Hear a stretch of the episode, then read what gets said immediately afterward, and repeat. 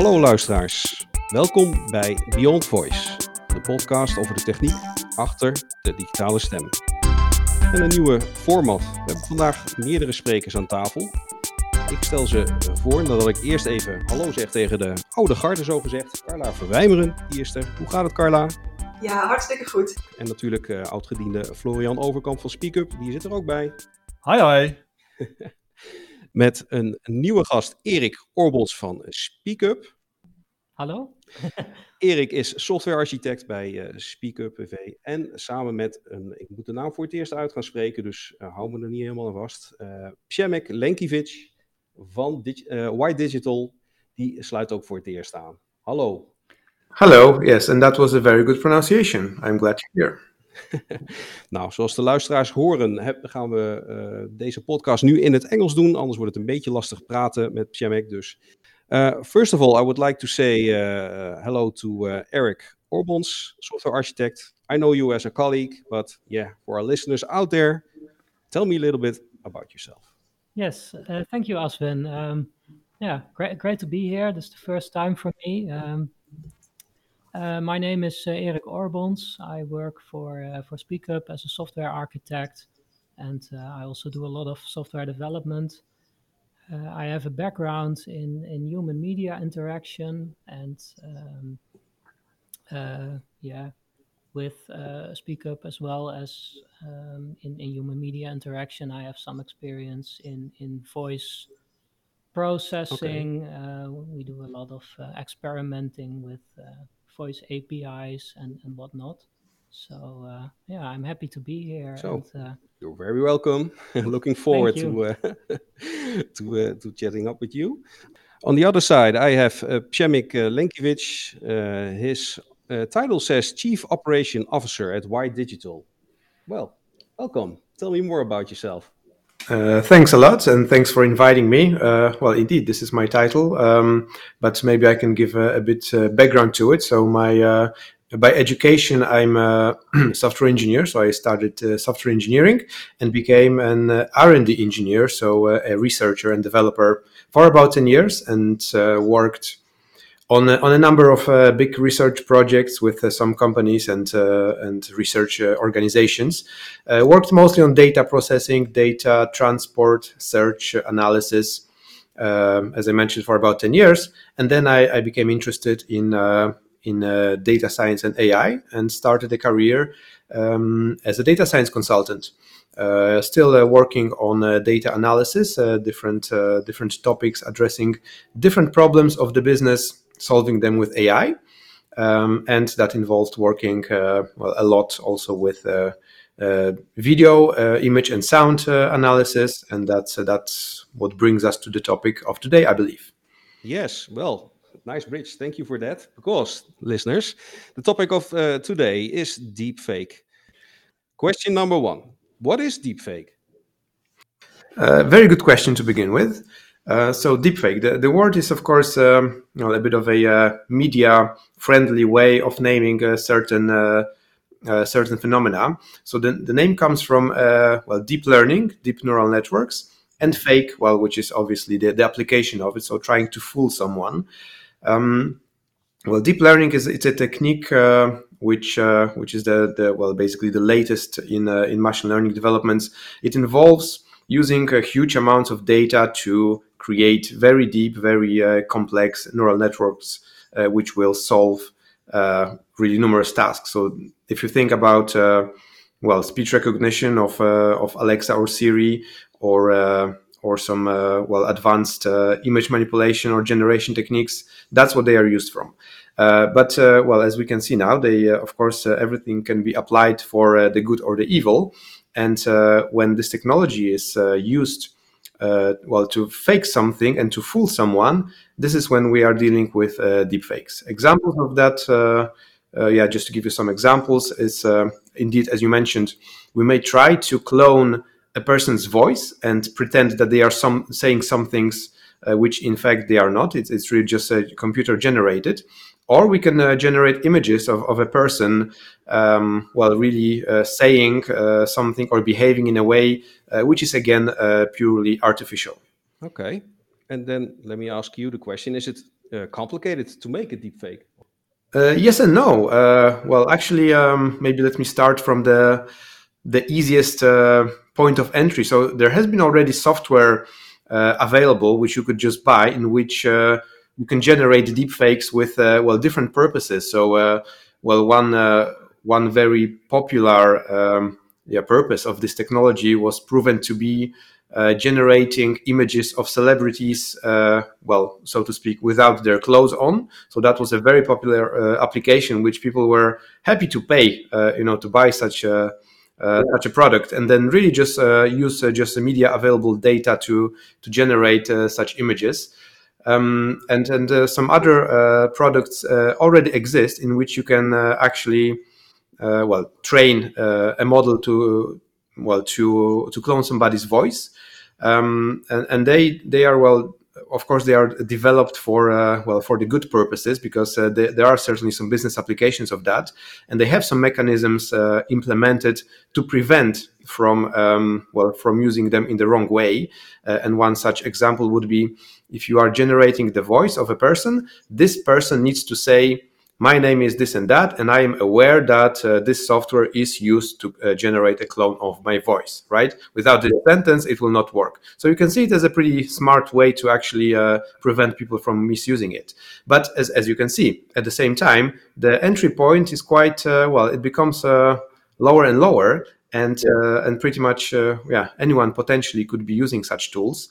To design them and to build them, yes, they are quite complex. So if you really would like to uh, build something from scratch, that's uh, that's quite a lot of expertise and knowledge uh, necessary. If we look at state of technology today, how how advanced is this? I mean, especially voice. Obviously, uh, um, you know, there's a lot of things that go into voice. That's not just about language. It's also about emotion, about intonation, mm-hmm. articulation, stuff like that. Um, uh, and the same goes obviously for video. But uh, can you tell me a little bit about what is the state of affairs right now? How advanced is it? Right. So if you would, uh, if you would phrase your question, um, is, is, is it good enough to fool people? Then the answer is clearly yes. It's, it's already very good. It's uh, at a level that uh, it's really hard to say uh, if what you're looking at is the real thing or, or a fake. what does it take, to, well, to generate a, a good result? It, it, certainly requires some work. So it requires some dedication, right? Um, we could use uh, as an example the the case of um, of uh, uh, what was it? This uh, director uh, uh, voice was cloned to to full. Was it Pathé? Pathé, yeah. Right. Right. So, so someone really cloned a voice of a specific person, clearly with the goal of fooling the employees of, of their company. So that really had to take some dedication and time spent on it. Um, and uh, yeah, then as we can see, the, the result was that the person was indeed fooled and uh, the, the crime was committed. Yeah. So, um, yeah, so that that takes some work and dedication, but it's certainly doable, and it it can be uh, at least uh, good enough that you will find a person that will uh, that will be fooled. And in this case, I think they were uh, contacted via phone, right? So right. The, there is the added benefit for the for the perpetrator of Correct. the fact that there is some quality loss in in the generated voice. Yes, exactly. So there, as, as, usually, as usually with uh, hacking and uh, and faking things, it always involves certain level of social aspects, right? So you have yeah. to play it well, uh, play your cards well to to make sure you are able to fool someone. But the cards are becoming better and better, right? So this is uh, clearly the case that yeah. the technology keeps improving. Um, one of the things maybe worth to mention that it really takes a significant computational power to generate uh, effect like that. But uh, the tools that I mentioned before are available on uh, cloud platforms, which does not require anyone to buy expensive hardware. They can just buy uh, the service. Right. And then it becomes as well available. So yeah, it's uh, it's growing, it's improving, and, uh, possibilities are. Okay, so so so so the electronic shortage that causes us all to have incredible waiting lists to buy our new NVIDIA GeForce video card is not a problem at all because we can just rent one from the cloud. Well, that's yes, this is partly the answer. yeah, and and uh, another reason for the waiting times uh, for the consumer is that they are uh, purchased in bulk by the exactly. organizations, yes. which then offer them in as cloud services. So Mhm. availability isn't uh, is, is it's becoming more and more available for the scammers to to get hold of this technology. But what about you know detecting the technology? Is it getting better as well? Um, it's well compared to how advanced the technology is. It's uh, the detecting technology. I would say it's still in infancy, and that's because well only recently it becomes uh, clear and uh, people are realizing the the risks to which uh, this is leading, and uh, and also the fact that there's much more interest in people generating uh, fake media. Then you know they really put a lot of effort to it. And the interest to prevent it is, is only now starting because only after realizing the risks and and, uh, and the possibilities people are working towards eliminating them. I would say that uh, more than the technology to uh, uh to prevent it uh, we should look at the well the uh, the recognition among everyone that this is this is really out there. And well yeah clearly we cannot really be sure uh, anymore at all that uh, the things we're seeing are real. It's it's similar, you know. I would compare it to the Photoshop revolution, where pictures, uh, you know, became manipulated uh, so much that uh, it really just uh, it was necessary to raise awareness about it. And then people looking at the pictures they just know that okay they are manipulated. Of course it's not how this person looks like. I would compare it to something like that. It really uh, needs uh, awareness and uh, and just much more um, cautiousness about the content we're consuming. Right. So for for the, for the meantime uh, there's going to be some pressure on on awareness on making sure that people know that this is possible uh, I also see that there's there's a lot of debate, especially in the in the Dutch telecommunications sector, about uh, prevention of spoofing, uh, which means that uh, you know you would not be able to represent the CEO's uh, mobile number, etc., stuff like that. Um, there's there's definitely work on mitigation there, and I think that that's at least one of the shorter term things that we might be able to do. Um, how do you how do you see this going in the long run? I mean, uh, you you told us about the application that requires the user to uh, pronounce a specific phrase, right, as kind of a security measure. Um, but I think that you know once people get advanced enough in uh, on the on the the dark side of the web, mm-hmm. Uh, there will also be versions that do not require that. So there's definitely something uh, that's going to be needed in between. Um, of course, yeah. So. Um, so this is uh, again, uh, I think I can draw a comparison to uh, well to email and to spam. Uh, so email started as a uh, as a very useful tool, and uh, but it, yeah. yeah. I'm not sure if anybody remembers, but in the beginning you could just send an email and you could state what's your email address and who is this from, right? You, you could just put any information in there, um, and well yeah and then you could also reach everyone and you, your email will be right in the top of their mailbox. Well then of course we have seen what happened with uh, with spamming and uh, and um, yeah, then you could also see uh, advertisement. And there was a lot of uh, developments in that area which resulted in what email is today. Uh, i think uh, indeed some of the things you mentioned are good examples of mechanisms that need to be in place. So even if content gets created with well already not honest intentions it will be possible to filter it out.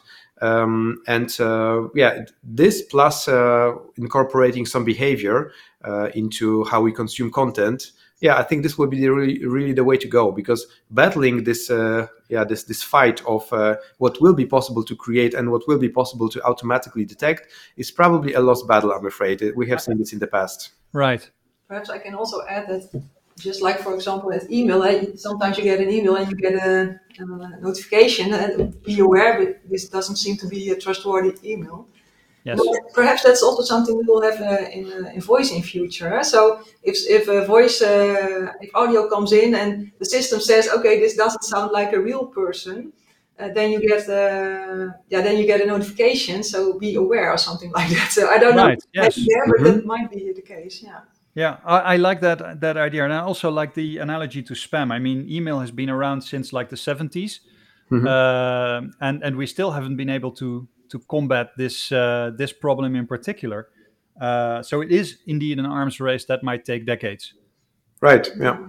Okay. Cool. Okay, Eric. Uh, yeah, this this makes me wonder uh, really uh, what this would mean for the for the future of the the open interconnected telephone network that we know today will I be able to, uh, let's say, dial Florian in, in 10 years hmm. without some form of authentic, uh, authentication first? Uh, how does Florian really know uh, yeah. that I'm me? Ooh, I like that. A, a, a, a voice spam filter that that requires mm. uh, a speech identification pattern. Hmm. Yeah, that, that's a very good question. Yeah, that's that's entirely new ideas. Nice. I think it's it's really up to well what the users will be willing to give up in terms of their uh, privacy and, and openness, right? Because the, the thing that you mentioned, uh, being able to just dial somebody's number and, and just call them, speak to them, that's uh, I, I can see how many will still prefer to keep that option, right? Even at the cost of, uh, well, they, they, will say we are we are aware of the risks, and and some other people uh, would uh, much prefer to give up this uh, well this freedom uh, for the sake of, of more safety. So I think it's really uh, yeah depends on how this will be shaped um, in the next years and how it will develop. And also on the conversation itself, since for, for example, Pathé, there was the instruction to to actually move a, big amount of money. So I could imagine that there are stricter rules than when I'm just uh, calling uh, Florian to ask how his mm-hmm. weekend was. so that's, absolutely, absolutely, and we see the same thing in in. authentication and and when do you require multi-factor authentication and stuff like that? You, you can do similar things. So uh, Przemek, deepfakes obviously can be used for bad, but what are the applications for good? Right, good, good question. This is actually uh, how we originally came in touch with this topic. We were exploring it for the well, for the interesting and good uh, uh, possibilities. Uh, well, we we are uh, working with um, digital agents, uh, virtual assistants, and we see quite a well, quite a big field of application for the deepfake and similar technologies. Um, so we, we have uh, actually um, approached this topic with the goal of creating a, a, digital representation of an actual person with their permission. And that involved uh, cloning their voice uh, and then also generating an avatar. Uh, yeah, basically what uh, you know what we can, you can see right now in the webcam, a person speaking and, and moving their lips uh, accordingly. So, um, well, th- this is this was done uh, as an experiment.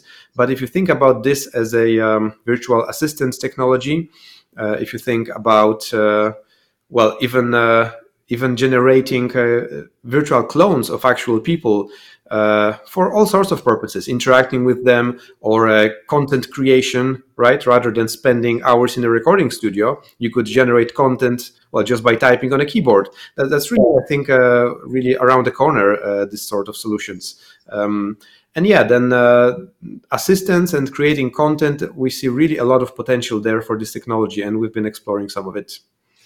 And perhaps it's also interesting. So, what good can you do with it? That it, in my opinion, it's very important for organizations to train their people, their, their employees, uh, to be aware of such uh, technology. So, uh, for example, we can help organizations uh, by actually cloning the, voice of their director with, with, his approval, her approval, of course. But then see also how um, yeah, vulnerable the organization is for this kind of technology. Yeah? So just to make everybody aware. So uh, so we can actually make a deep fake of somebody's voice and, and call some employees and tell them to uh, hmm. to pass an amount of money and see right. what's happening. Not not to yeah actually um, uh, you want to be kind to your people, but you they also have to realize themselves that this is happening and that they are part of the solution as well. Right. I, I am though a little bit ambivalent about that kind of an approach. I mean, I like the the case of uh, you know, being able to handle, uh, uh, have an, a virtual assistant handle the phone calls to my mother-in-law. That would be awesome. If you put this into a company application and, and say, well, we use this to train our employees to confront them with uh, samples uh, that are faked, and, and you know, we do this to raise awareness. I see a lot of debate inside the information security sector about whether or not to do uh, spear phishing campaigns internally by uh, uh, by by uh, the red teams, uh, the, the, the the the people who do offensive uh, techniques on the organization. the reason for this is that if you do that, and and if you're not very careful about it, you will eliminate the trust of of employees between each other, and that is counterproductive. Hmm. Yeah, I agree. So perhaps it's more like uh, using this in trainings like e-learnings and that kind of stuff, uh, so that people can hear it. How does it sound and what can happen to you? So not like mystery shopping, eh, which uh, Yeah, exactly. uh, yes. yeah, yeah, but just uh, a lot of companies, of course, have e-trainings for all kind of risk assessments uh, and that kind of stuff. And I think this should be a part of it as well. Yeah. Right. Mhm. Okay. Yeah. Not so much. Uh, we'll put it into a real life scenario, but uh, we will have people enter into an awareness training. Well, can you identify whether or not this is a fake or not? Yeah, yeah. Right. Okay. That that makes sense. That makes sense.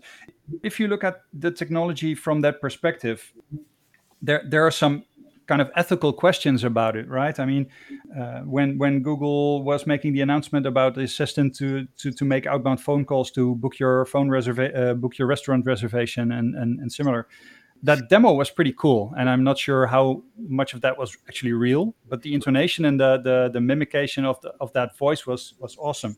But if you get phone call from a robot, would you want to know it, or should we want to know it? Yeah, I think so. It's called the uncanny valley. Eh? So if people Yes. don't, don't tend to know, am I really talking to a real person or am I talking to a robot? And I think it's very important that always eh, customers or employees know that they are talking to a robot and not to a real human. Because of course, human can do different things also from robots. Eh? At, as, at this moment, at least, I don't know how it's going to be uh, in the 20 Hmm. years. But uh, yeah, I think this is very important. Also to keep trust, because Florian just uh, you already said uh, something about trust from employees. I think it's also trust from the yeah in general. Uh, from from can you trust somebody you're talking to? Can you trust the things that you read or that you see? And how can we in future actually determine if it's uh, something that's trustworthy worthy or not? This is, I think, one of the biggest challenges for uh, for future. Yes. Yeah, we, we uh, came across this topic as well with uh, uh, just with uh, conversational agents. Uh, so not not voice, but really just chatbots, typing uh, uh, text to chatbots. Uh, we were, of course, hoping always to reach a level uh, at which, uh, yeah, our yeah the speaker will not realize they are uh, talking to a chatbot, but rather just a customer support employee. Uh, but uh, when uh, that has happened a few times, uh, well, we found out that people were not pleased. So. Uh, we, we reached out to some customers uh, asking how did you like the interaction with the with the support uh, bot? And when they learned only that it was a chatbot they were not so happy about it. So um, yeah i think uh, full transparency is really uh, necessary. So uh, if with the with the positive with the good use of this technology i think transparency only yeah only works in our advantage and should always be included Right. Okay. That's that's uh, that's an insightful comment. And, and Carla, uh, how do you think this uh, this should be incorporated in the uh, in the National Voice Monitor? Well, actually, uh, well, we do we do ask uh, questions about privacy, for example. But uh, and we did this this year for the first time. We also asked people, uh, uh, "Do you is it a trustworthy person? Is it your friend or not?" Uh, so more the emotional uh, uh, aspects of uh, of assistance. But uh, well, I don't have the results yet, so I'm still waiting for them. But uh, I'll be happy to share them next time. Well, Nice. So uh, that's we'll keep that one for next episode when we get back. Okay, well, on that bombshell, I would like to uh, thank all of our uh, guests here for this interesting uh, talk we had about deepfake. And uh, well, uh, thank you very much. Iedereen bedankt voor het uh, luisteren. Heb je tips of leuke ideeën? Uh, laat het ons weten. Stuur een mailtje naar podcast.beyondvoice.fm of kom gewoon even luisteren op onze website. Wil je op de hoogte blijven van nieuwe afleveringen? Abonneer je dan op Beyond Voice via Spotify, Apple Podcasts, Google Podcasts of op beyondvoice.fm. Dit was hem voor deze keer. Bedankt.